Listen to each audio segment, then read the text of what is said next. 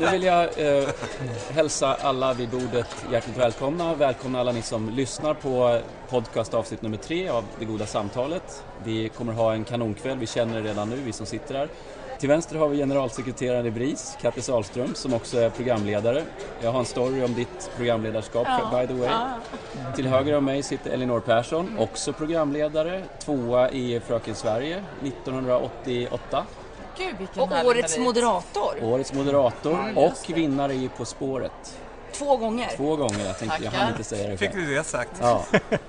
Göran Everdahl, hej. Hej, jag har bara vunnit en gång Ja, På så spåret. Jag är det- inte programledare så jag är glad att jag får vara med överhuvudtaget. Ja, det är knappt värt att nämna när man bara vunnit Här, en tack gång. gode Nej. gud att inte vi Men han har skrivit en varit med. fantastisk bok om allmänbildning kan jag säga. Ja. Tack, tack Elinor. Och Göran, du är också journalist och filmkritiker. Ja, det stämmer. Och vunnit något pris inom satir, som vi får väl För, prata väl, lite för väldigt länge sedan så vann jag satir-SM tillsammans med Kalle Norlén. Fast ändå grattis. Tack, Ja. Tack. Grattis. det är så långt inne. Det tog 25 år. Och sist men inte minst Per Johansson, Hudik-Per, glada Hudik-Per, Precis. skaparen av Hudik-teatern, den glada Ja. Hudik-teatern Och jag vann eh, P10 Cup, Hudik Cup i fotboll. Där ser man. Ja. Come fly with me, let's fly, let's fly away. If you can use some exotic booze, there's a bar in far Bombay. Come fly with me, let's fly, let's fly away. Men varmt välkomna hit, det heter Det goda samtalet. Eh, Vi är alla inflyttade till Stockholm, men ikväll är vi på restaurang Pontus i Stockholm. Tackar. Tack, skål.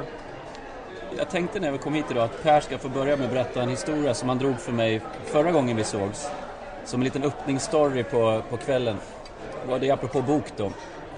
Eh, Du berättade att du satt och signerade böcker på eh, Hudik, i Hudiksvall. Ja, Kan du berätta lite jo, om det? jag, jag, jag skrev också, jag skrev också skrev en bok Som heter... som heter I huvudet på normalstörd. Och så att jag signerade den på Hudiksvalls köpcentrum Guldsmeden då. Det var inte så många köpcentrum men då kom hela vår teaterensemble förbi och ville också ha en bok. Då sa att ni har ju fått en bok redan så ni behöver inte ha en till. Då säger Bosse att jag kan tappa bort min ja. Jag vet inte, ofta tappar man bort en bok. Då sa jag okej, för då stod alla kvar liksom och väntade ut mig. Då gick jag in i bokhandeln, köpte ut 25 böcker, la en namnlista och sa bara att nu får du gå in och hämta en bok. Det, det är kravet att ni går in och säger ett namn, då får ni en bok.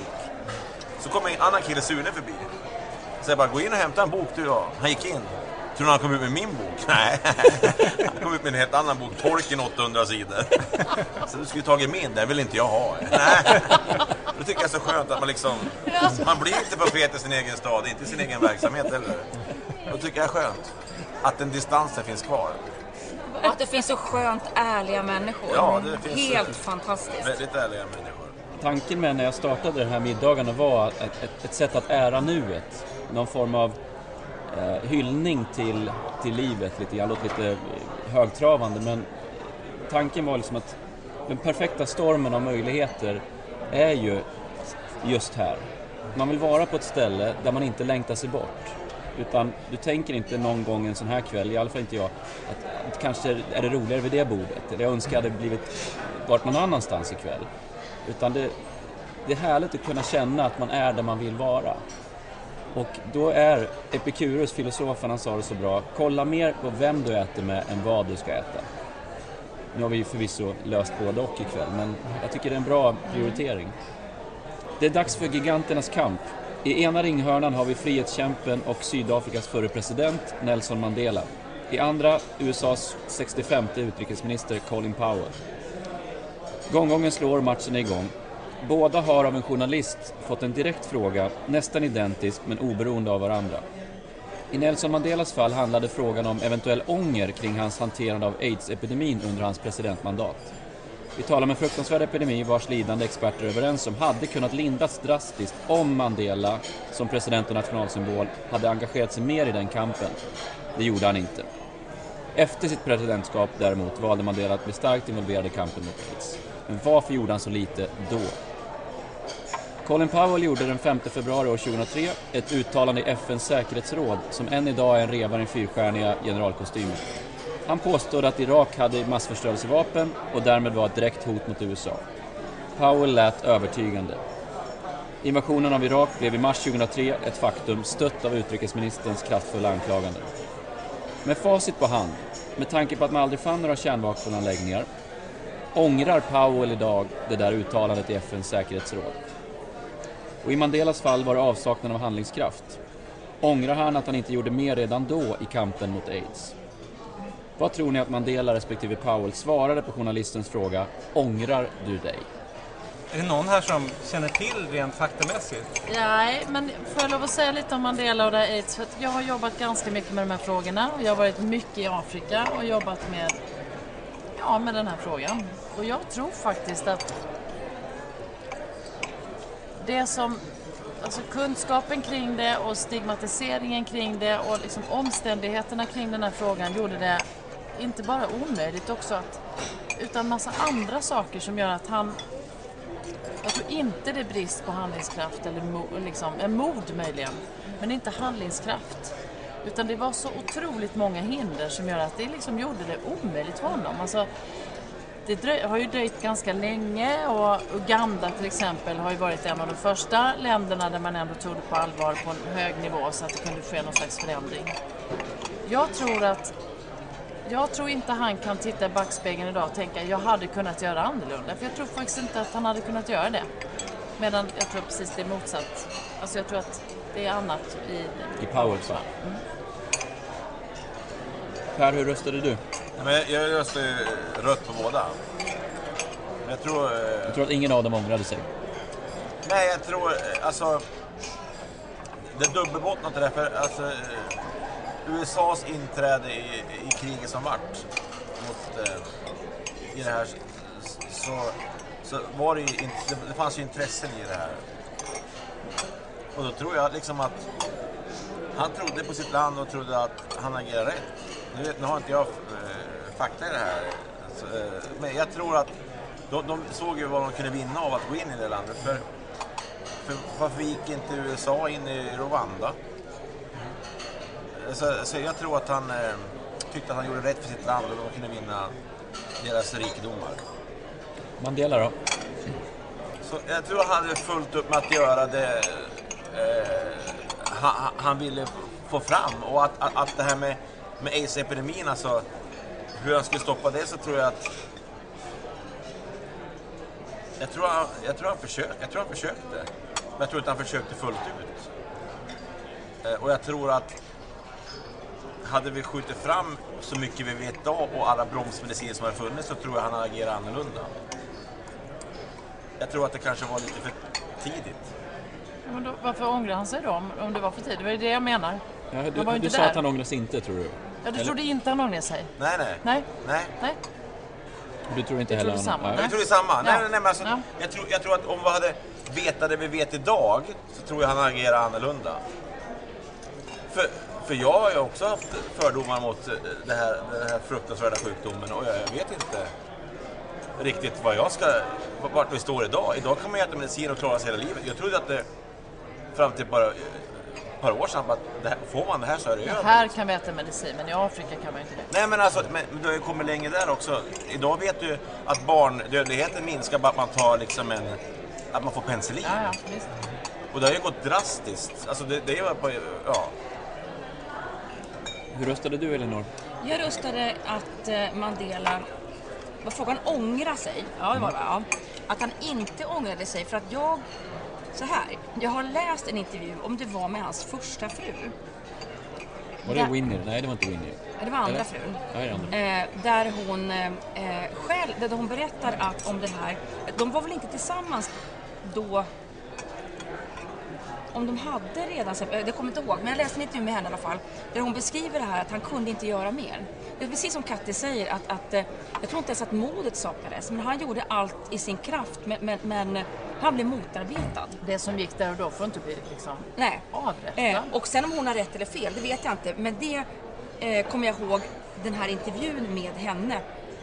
Jag har ju sånt sjukt minne för det skrivna ordet nämligen. Eh, bara etsar sig fast liksom. Och Paul då? Vad röstade du där? Eller röstade, men vad Eh, du? nej, men, a- att, han, eh, att han ångrade sig. För, där röstade jag bara för att jag, jag känner att eh, det vore väl härligt om eh, en amerikan någonsin kunde erkänna att han eller hon har fel. Eh, jag har faktiskt ingen aning huruvida han gjorde det eller inte. Utan, utan, eh, Och jag tror han tycker det är pinsamt. Det är som att förlora liksom På spåret. eh, Det är så skämmigt va? Inget skulle vara så pinsamt. Nej, inget skulle vara så pinsamt. Nej, det- var mer bara liksom så här önskedröm. Förmodligen är det jättepinsamt, men att han eh, faktiskt sa att det här gick åt helvete. För det finns ju inte en amerikan som någonsin erkänner att han och hon har gjort fel. Har jag frågat dig Göran? Ja, men jag var ovanligt, det är jag lite glad för, jag var ovanligt hur ska vi säga, positiv i det här läget och osynisk. Jag trodde att båda ångrade sig. och det är därför, rent generellt så, alltså de, det, vi pratar om två maktkarriärister. Och de generellt sett brukar ju inte vara kända för självinsikt eller, eller självkritik. I det här fallet tycker jag att de är lite speciella därför att jag tycker att både Nelson Mandela och, och Colin Powell, som är, som är väldigt olika, men de är lika på det sättet att, att när eh, krutröken har lagt sig så tycker jag att båda, när jag läst intervjuer med dem, verkar vara ganska nyktra. De verkar se sin roll ganska nykter. Och, och det vettiga i båda de här situationerna skulle ju vara att ångra sig, därför att de, de gjorde fel. Så det var mest därför jag trodde det. Alltså, men i synnerhet i, i jag tror att det är så här, det är självklart att de ångrar sig. Frågan är snarare ifall de erkände det.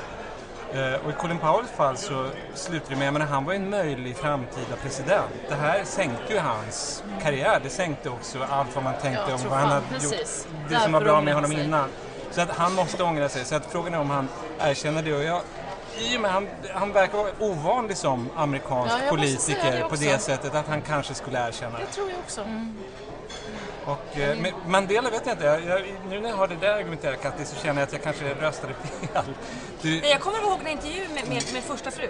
Eh, Mm. Vill ni veta um, svaret? ja! Då var det så här, kära vänner vid bordet. Ni lyssnar alltså på Goda samtalet, avsnitt nummer tre. Per Johansson, Elinor Persson, Katte Salström, Göran Everdal som har röstat på fråga nummer ett här. Att eh, Nelson Mandela svarade på frågan Ångrar du dig att du inte gjorde mer åt aids-epidemin? Svaret var nej, jag ångrar mig inte. Jag hade fullt upp att bygga landet. Colin Powell å andra sidan svarar ja, jag ångrar mig. Eh, Det var ett misstag.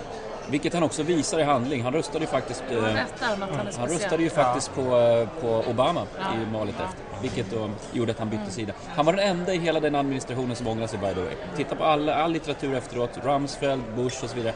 Alla tyckte att de har inte gjort något fel. Rumsfeld kommer en hel film om snart om att han inte ångrar sig. Han... Eh, ja. Men Vad, han är tycker, vad, tycker, vad tycker ni om eh, deras agerande mot... Skulle, var det rätt att gå in? Nej, men det Nej, tycker det väl ingen. inte- Det, det tror jag inte- det, tror jag inte ens att de själva tycker Nej. innerst inne. Det var ju en katastrof. Men det tyckte ingen av oss då heller tror jag. Jag har ju en kompis som är uppvuxen där, ja, som bor i Hudiksvall, som jag pratar jättemycket om det här om.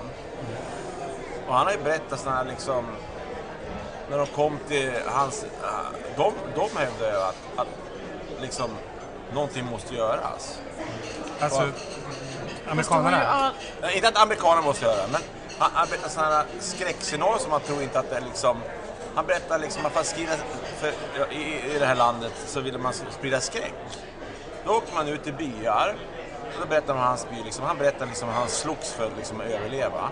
Då berättar han när de kom ut i de här byarna så, så tog de ut en familj.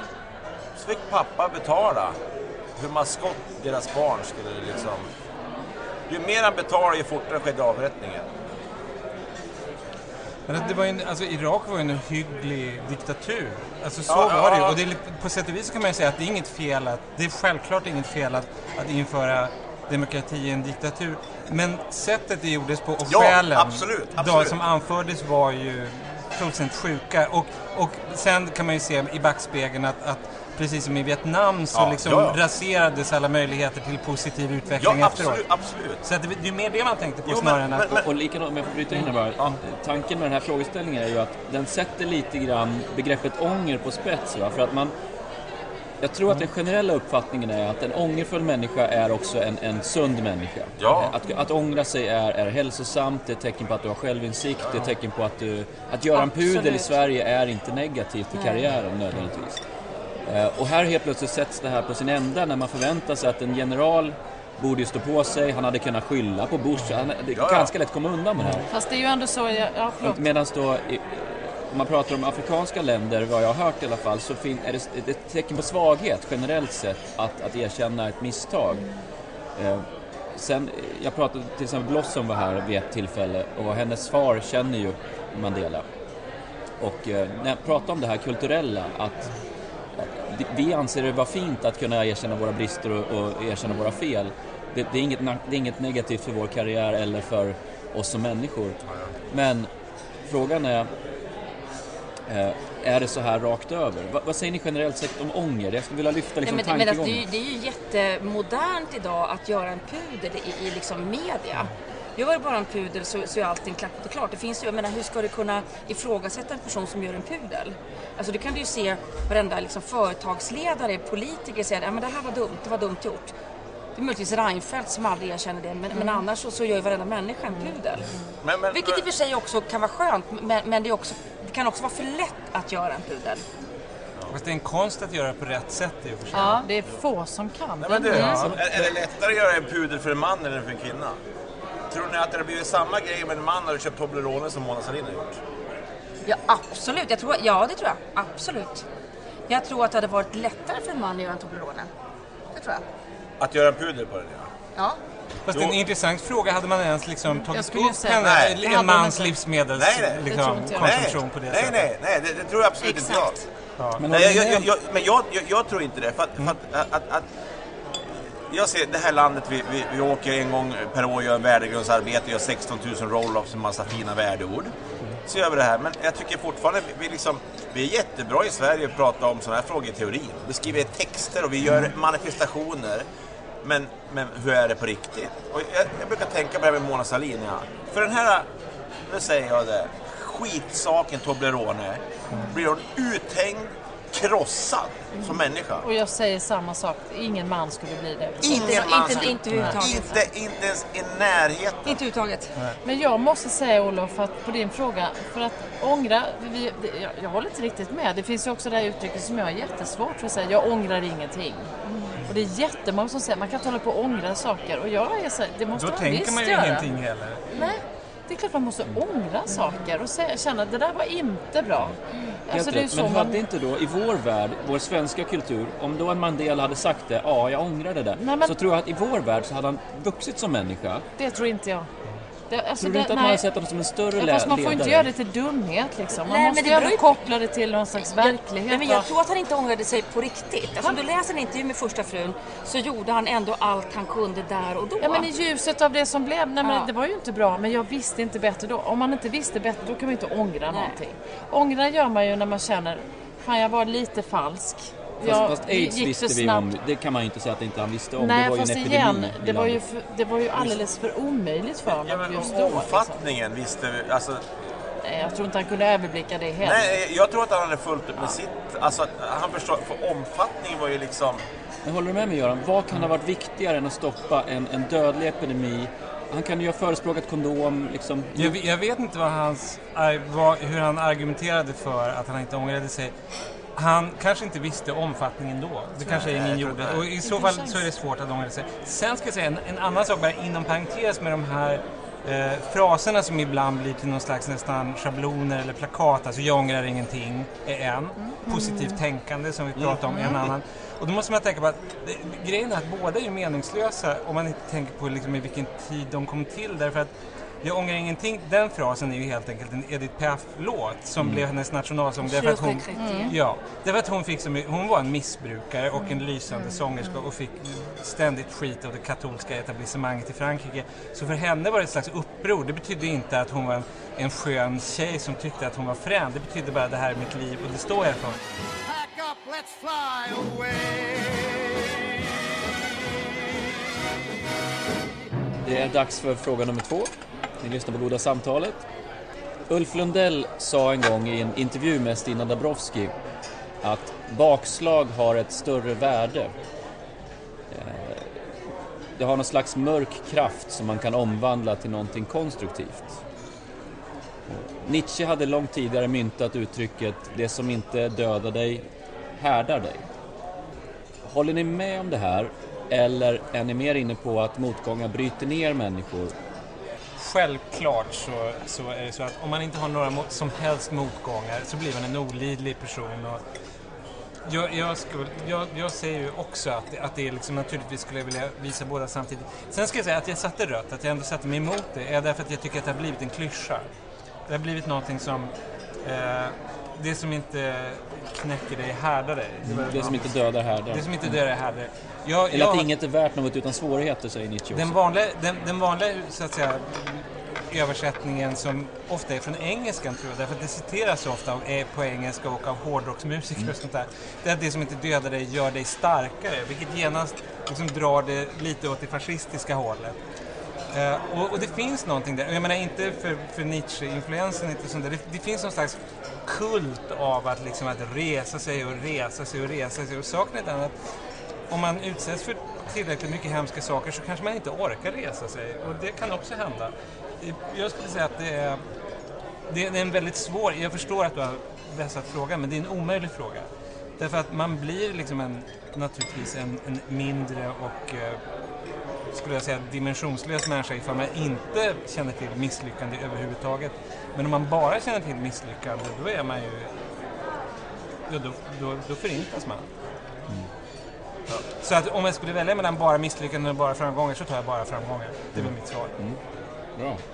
Kattis, vad röstade du Nej, på? men jag- på samma? Eller vad har du för, för kommentar på, Jag, så, på nej, men jag, väldigt, jag, jag måste säga att jag verkligen håller med Göran. Jag svarade ändå på grönt därför att jag ändå tänker, det vi var inne lite på tidigare, att jag tror att vi allt mer behöver ändå på något sätt lyfta fram att det är helt okej att man kör i diket och det går åt helvete och att det kan vara bra för en. Att liksom att vi är en sån här lyckad liksom, kultur och jag, tror liksom, och jag tycker också det är ganska hemskt att säga vad är misslyckat och vad är lyckat. Jag tycker inte om det liksom. Att vi ens delar upp saker i vad som är lyckat och misslyckat. Men däremot tror jag liksom att vi ska inte vara rädda för motgångar för jag tror verkligen att man kan använda det till någonting bra. Däremot så tror jag att det behövs göras i kombination. Det finns ju eh, det Antonovsky som han hette som, som eh, Salutogenerna. salutogenerna som, såg, som undersökte kvinnor, tittade på främst kvinnor som har överlevt eh, koncentrationsläger efter andra världskriget och varför vissa har mår så bra och vissa mår sämre eller tar livet av sig eller inte klarar det. Och de som mår bra de hade vissa parametrar med sig som handlar om förmåga till att sätta sig själv in i en situation eller sammanhang. De har verktyg, de har människor runt omkring sig och de har förmåga att känna hopp. Det vi pratade om tidigare. Alltså det finns vissa sådana här parametrar, nu förenklar jag jättemycket. Så jag tror inte att det är så enkelt som man bara kan säga att alla motgångar stärker utan det kräver också vissa parametrar för att det ska vara stärkande. Man behöver ha tillgång till olika saker. Andra människor eller kärlek eller trygghet eller allt det här. Va? Och då tror jag att det är viktigt för människor att förstå att misslyckande kan du använda till någonting bra. Och om man nu ens ska prata. Jag tycker inte om, som jag säger, jag tycker inte om att prata misslyckande och lyckat. För vem avgör vad som är lyckat och misslyckat? Men jag tror ändå att man inte ska se det som att det bara bryter ner för då har vi igen det här positiva. Tummen upp, foten i kläm, jajamensan, att man aldrig får Gilla. lov att gilla läget, ja, vi gillar. Gilla. Det är toppen och sådana människor för mig är, det är ointressant. Jag dras inte ens, ens till människor som är på det sättet. För att det, för mig är det att man är rädd eller avstängd om man inte vågar liksom vara öppen med allt vad det innebär att vara människa. Det är fan skitsvårt att vara människa. Det är ju jättekul och jättesvårt att vara människa. Vad röstade du Per och stämmer det överens med tidigare talare? jag tycker som det... Det går inte att lägga en schablon på just det här. Det, det är olika typer. Alltså att jag, jag har ju misslyckanden eller motgångar som, som har satt jättedjupa spår i mig som jag aldrig kommer att komma ur. Som jag fortfarande bearbetar varje dag, som jag känner ångest och att, att, som jag aldrig kommer att komma ur. De har inte stärkt mig ett jävla dugg. Tänker du till mig- exempel på Uppdrag granskning Ja. eller är det andra saker? Okej. Ja, absolut. Ja. Men jag såg i en intervju å andra sidan, jag läste en intervju om det där du skrev att idag är du starkare än någonsin. starkare i det jag håller på med. Men just den motgången kommer aldrig komma ur mig. Men förstå att jag hade ju också, mot, det också motstånd, det är en sak. Att folk tycker som jag, men att folk kränker mig som person. Det blir en motgång för mig. av min avbild som människa och hur jag ser mig själv. Och det, det kommer jag aldrig komma över. Fast det är bara du som väljer. Du väljer om du blir kränkt. Du kan ju också välja att säga jag är överhuvudtaget inte kränkt. För mig hjälper det ibland när jag blir drabbad då. Att testa mot ord. Jag, jag kan bara säga, jag ska testa, det var meningen. Varför är det här meningen? Varför, utan att vara flummig, men varför är det meningen att jag ska testa så här? Och för dig kanske det är att du, behöver, du kanske ska berätta något. Det är bara det som slår mig nu att du är ändå så här drabbad på ett sätt som väldigt många människor blir. Som vi sa Salin förut, hon har haft ett helvete med sin jävla Toblerone, liksom att vi fortfarande pratar om det. Liksom.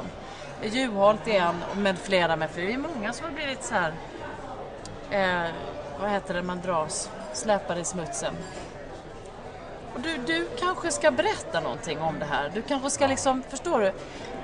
Förstår ni vad jag menar nu? Att man kan, liksom, man kan, man kan ja. använda sig av det som, och det är väl där den här kraften kommer in. Att, Och det är det jag tror Lundell tänk om menar du, också. ja men kanske ändå Per att det kanske fanns en mening med att du skulle bli drabbad utan att man vara liksom Man new kan, ge, age. man kan ge den mening i efterhand som du inte hade från början. Och det är ju som du pratade om, äg det.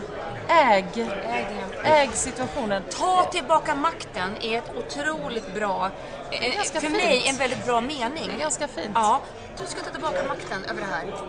Och, och där tror jag Per att, jag tror, där kanske vi delar existentiella aspekterna så, som, som eh, bygger mer på att det finns ingen yttre mening med det som sker, så som jag ser det, utan man får skapa mening. Ja, du får göra det Du, du själv. får, det, den mening som blir, alltså är det, är det meningsfullt att se att 22 grabbar sparkar på en boll in i ett mål? Det, det är ju totalt meningslöst, men du måste, om du ger det mening så plötsligt blir det jättekul att titta. Och vad jag tror Lundell menade med att har du ett författarskap som du har, eller du har en kanal, du har någonstans Du kan där du kan, prata, du kan kommunicera.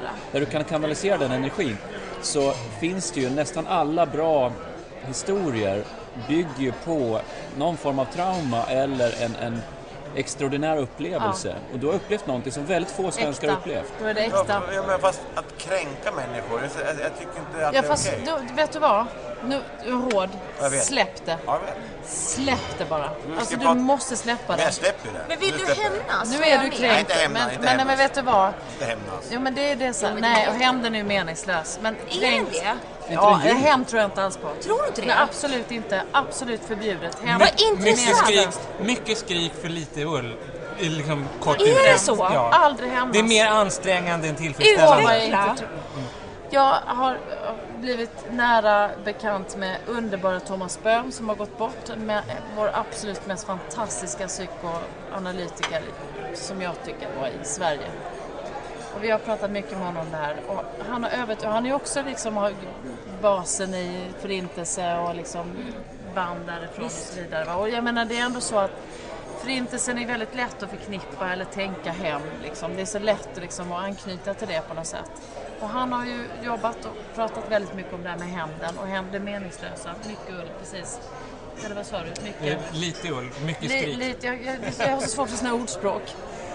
Men, men det, det, det, hem tror jag absolut inte på. Men en- talar det är man dem tid. andra makten? Att Men- liksom visa att de betyder någonting? Men är det, är det förlåta då som är, är liksom... Man behöver inte vara förlåta. Fråga Felicia Fält. Nej, man behöver inte förlåta. Men Acceptera och förstå och försöka och äga och allt det här. Men hämnd, det tror jag verkligen är... Man brukar säga att är hämnden är ljuv. Säger man inte att Fast hämnden vem säger det Ja, egentligen? vem, exakt. Någon som har hämnats kanske? Jag Det är så inte. kortsiktigt och det är så totalt meningslöst och destruktivt.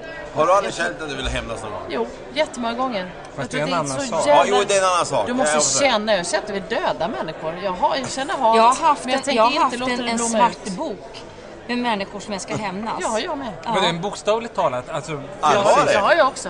Alltså, Men den, har svarta, den, så- svarta, nej, den svarta boken finns i mitt huvud. Nej, Jag har en bok. Ja. Nej, är det sant? Ja, Ja. ja, men så är det. Men kan du läsa upp några namn nu då? Människor som har gjort mig oerhört illa. Oerhört illa. namn! Men är inte där i alla Men vet ni, det som har hänt är att i den här boken så har de människorna råkat ut för saker. Alltså jag skulle aldrig önska någon persons död eller sjukdom överhuvudtaget. Men de här personerna har ändå råkat ut för hämnd någon annanstans ifrån. Så att jag har kunnat liksom bockat av och bara liksom legat lite tillbaka, alltså lutat mig tillbaka och tänkt att aha, det här ordnade sig. Jag tänker så jättemycket på att liksom ändå så här, vara en god människa. Jag också. Att jag ändå så Ja. himla mycket tror på det. Ja, jag också. Och jag tänker aldrig sluta tro på det.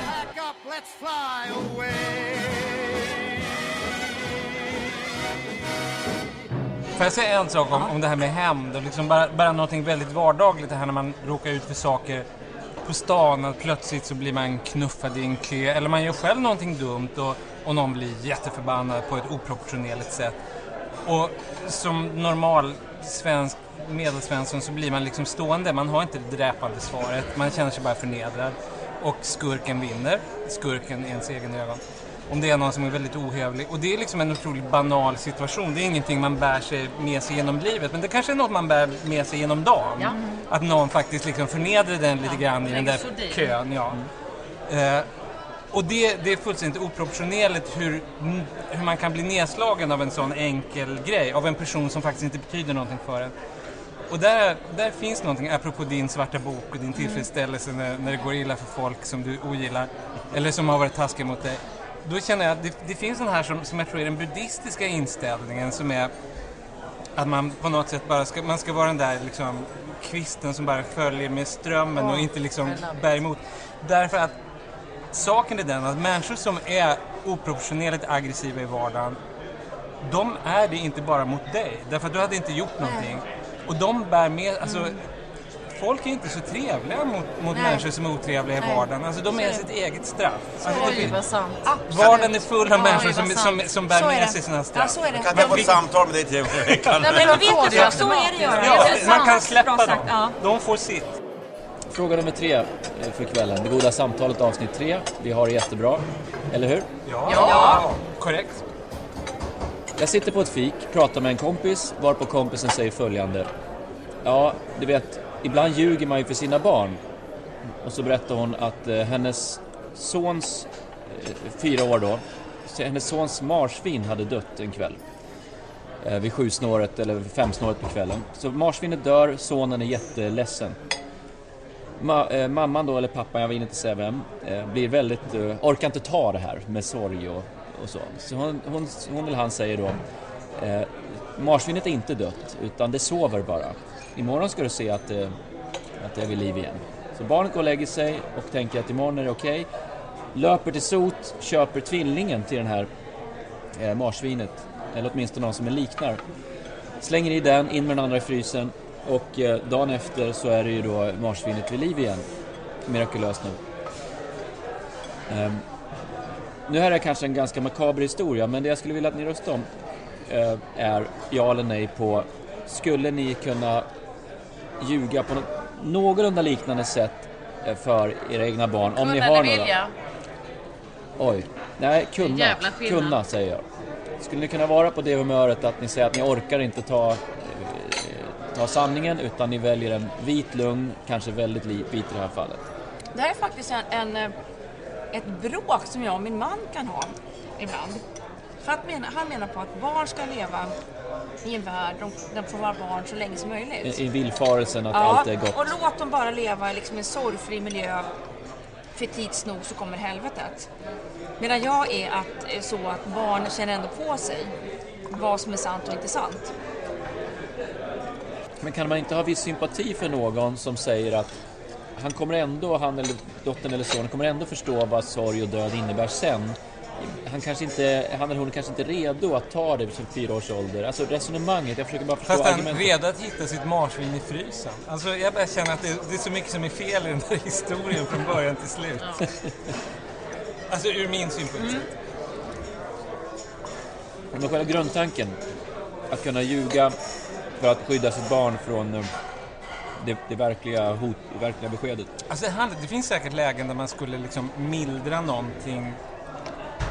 Om det är någonting som är så nära ens hem eller liksom, jag menar, som ett marsvin eller liksom någonting som har hänt den egna familjen, då går det ju inte att ljuga.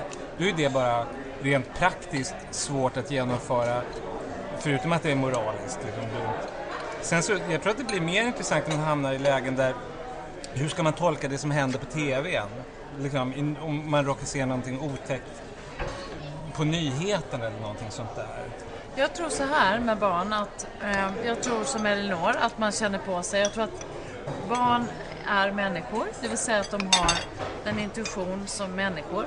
De är inte likställda vuxna, för vi är vuxna med allt vad det innebär.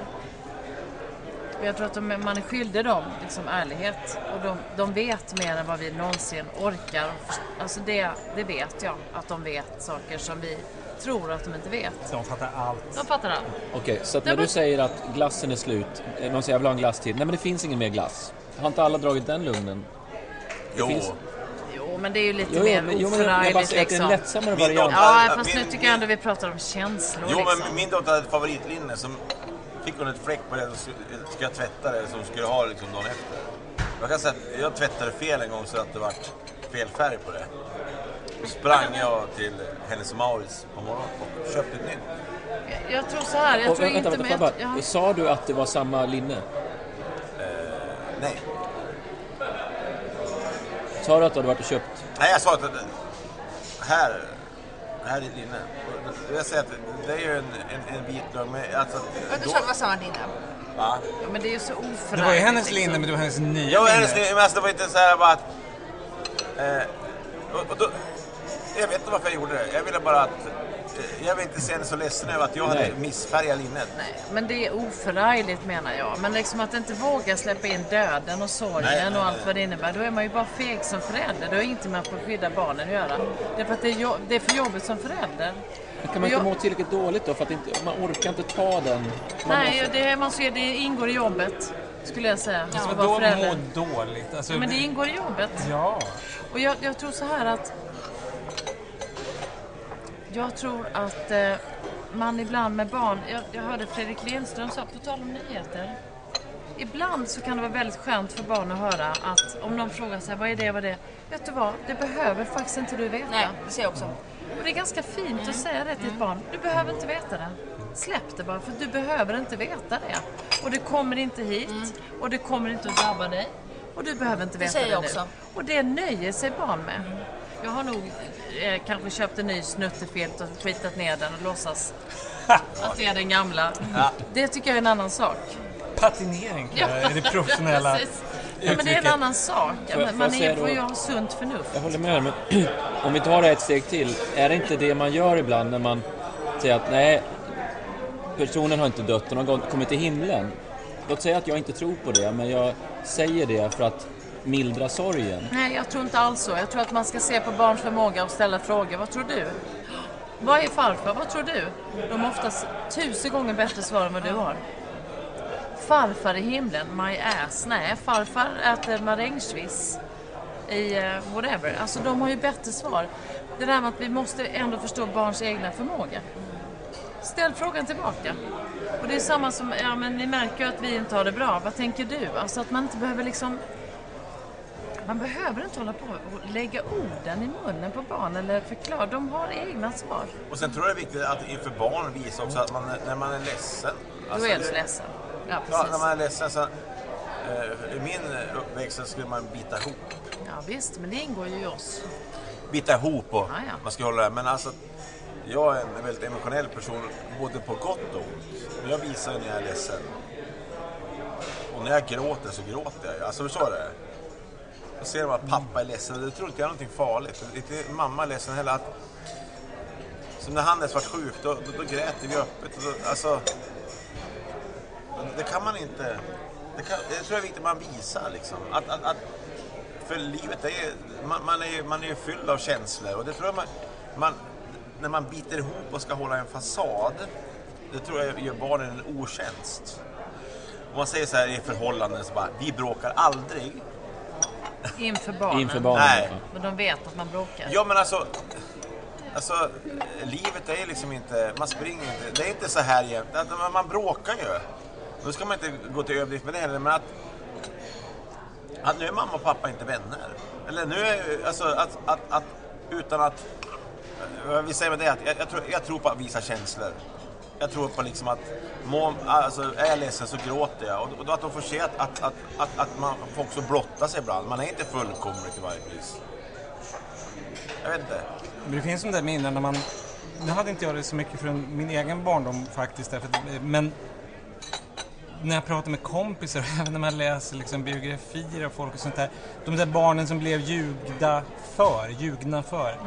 Eh, men som naturligtvis, och, och saken är, man kan göra enkelt för sig och säga att ja men barn fattar alltid och det gör de för det mesta. Men det är inte alltid de fattar. Ibland bara anar de och det är mycket värre. Det är mycket värre när de bara anar och liksom hör någonting bakom en dörr och liksom vet att någonting är på gång. Alltså det är en ohygglig känsla för ett vuxen eller för ett barn. Så att jag menar, vilken hemskt meddelande man än har att säga så måste man ju antagligen säga till slut Ja. ändå. Jag måste säga att jag tar tillbaks, verkligen. Jag, Det är precis som du säger. De anar, men de, De kan anar. omöjligt fatta. Beroende på hur gamla de är. Men de känner någonting. De känner att något är fel. Obehagskänsla. Men de har ingen aning om vad det är. Det är jävligt obehagligt. På tal om igen Antonovsky det här med att förstå sitt sammanhang. För att ett barn som anar, det är någonting, för de känner av. Vi har gjort undersökningar som visar att barn känner av om en förälder har tagit ett glas vin. Ett glas. Så är det. Det behöver inte vara Absolut. trauma, Nej, det behöver inte vara absolut. förknippat med ångest, men de känner av det. Ja, absolut. De vet inte riktigt vad det är, men det är lite annorlunda. Och det är ganska Mamma bra, det det plus. Göran säger. Ja. Ja. Eller mamma minus. Pack up, let's fly away.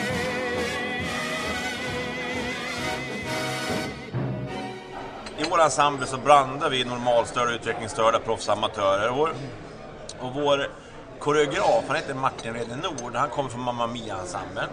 Han har dansat med Lena P och han är, han är en väldigt duktig dansare. Och en sån här killkille. Han ser jättebra ut, glad jämt och så här. Vältränad. Ja, vältränad. Och så, och så är han homosexuell. Men alla tjejer med down syndrom är kära i han.